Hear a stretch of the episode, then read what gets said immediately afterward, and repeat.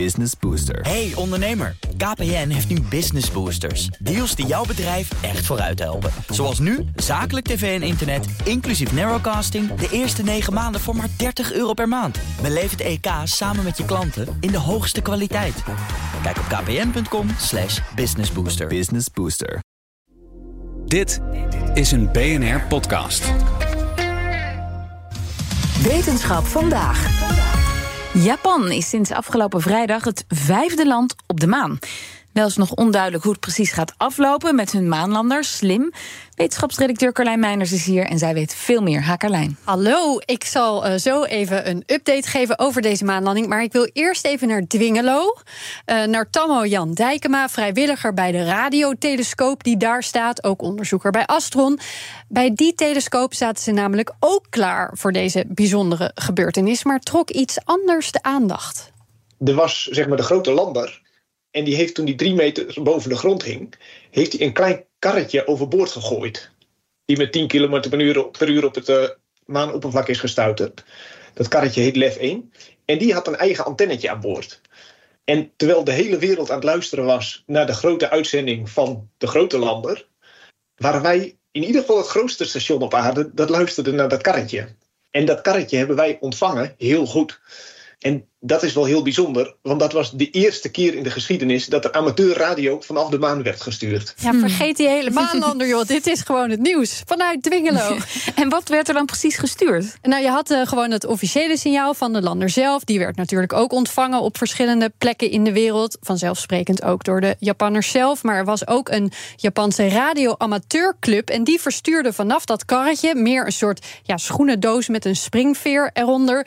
Dat van die lander werd gelanceerd dit signaal. Dat is, uh, dat is CQ, CQ. Ja, morsecode. Ja, morsecode. en CQ is uh, kort voor Seek You, wat zoveel betekent als kan iemand mij ontvangen? En dat is dus zeker gelukt over een afstand van meer dan 380.000 kilometer. In het hart van Dwingelo. Ja. Maar hebben ze daar in Japan dan ook nog wat aan? Of hebben ze dit zelf ook al lang ontvangen? Nou, dat is dus het mooie van de radiotelescoop in Dwingelo. Die is heel groot. Want ik vroeg hem ook nog, waren er, was er nog competitie? Waren er nog andere radioamateurs die misschien ook dat signaal probeerden op te vangen? Dit klinkt misschien een beetje flauw, maar als wij meedoen, dan is er niet zoveel competitie meer. Omdat Dwingelo heeft zo'n gigantisch grote schotel, een 25 meter schotel, dat is voor amateurs is dat natuurlijk veel te groot. Dus wij hadden zelfs een, groter, een betere ontvangst dan de Japanners zelf, die maar een 12 meter schoteltje hadden. Ja, ze hebben dan ook uh, wat ze in Dwingelo hebben opgevangen gedeeld meteen live online, zodat iedereen ermee aan de slag kon, alle radioamateurs. Maar ze hebben die signalen ook aan Japan gestuurd en vanuit de club daar kwam, kwam ook al een reactie terug met een bedankje. En doen ze dat eigenlijk vaker, meeluisteren met zo'n missie? Ja, uh, uh, dit is goed om te zeggen. De telescoop wordt volledig gerund door vrijwilligers.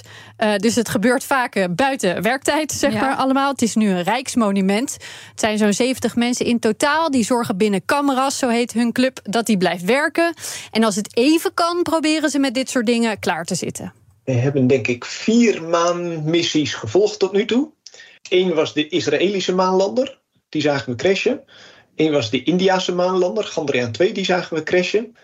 We hebben vorig jaar december hebben we Artemis rondom de maan gevolgd, zelfs in officiële samenwerking met NASA. Dat was heel cool.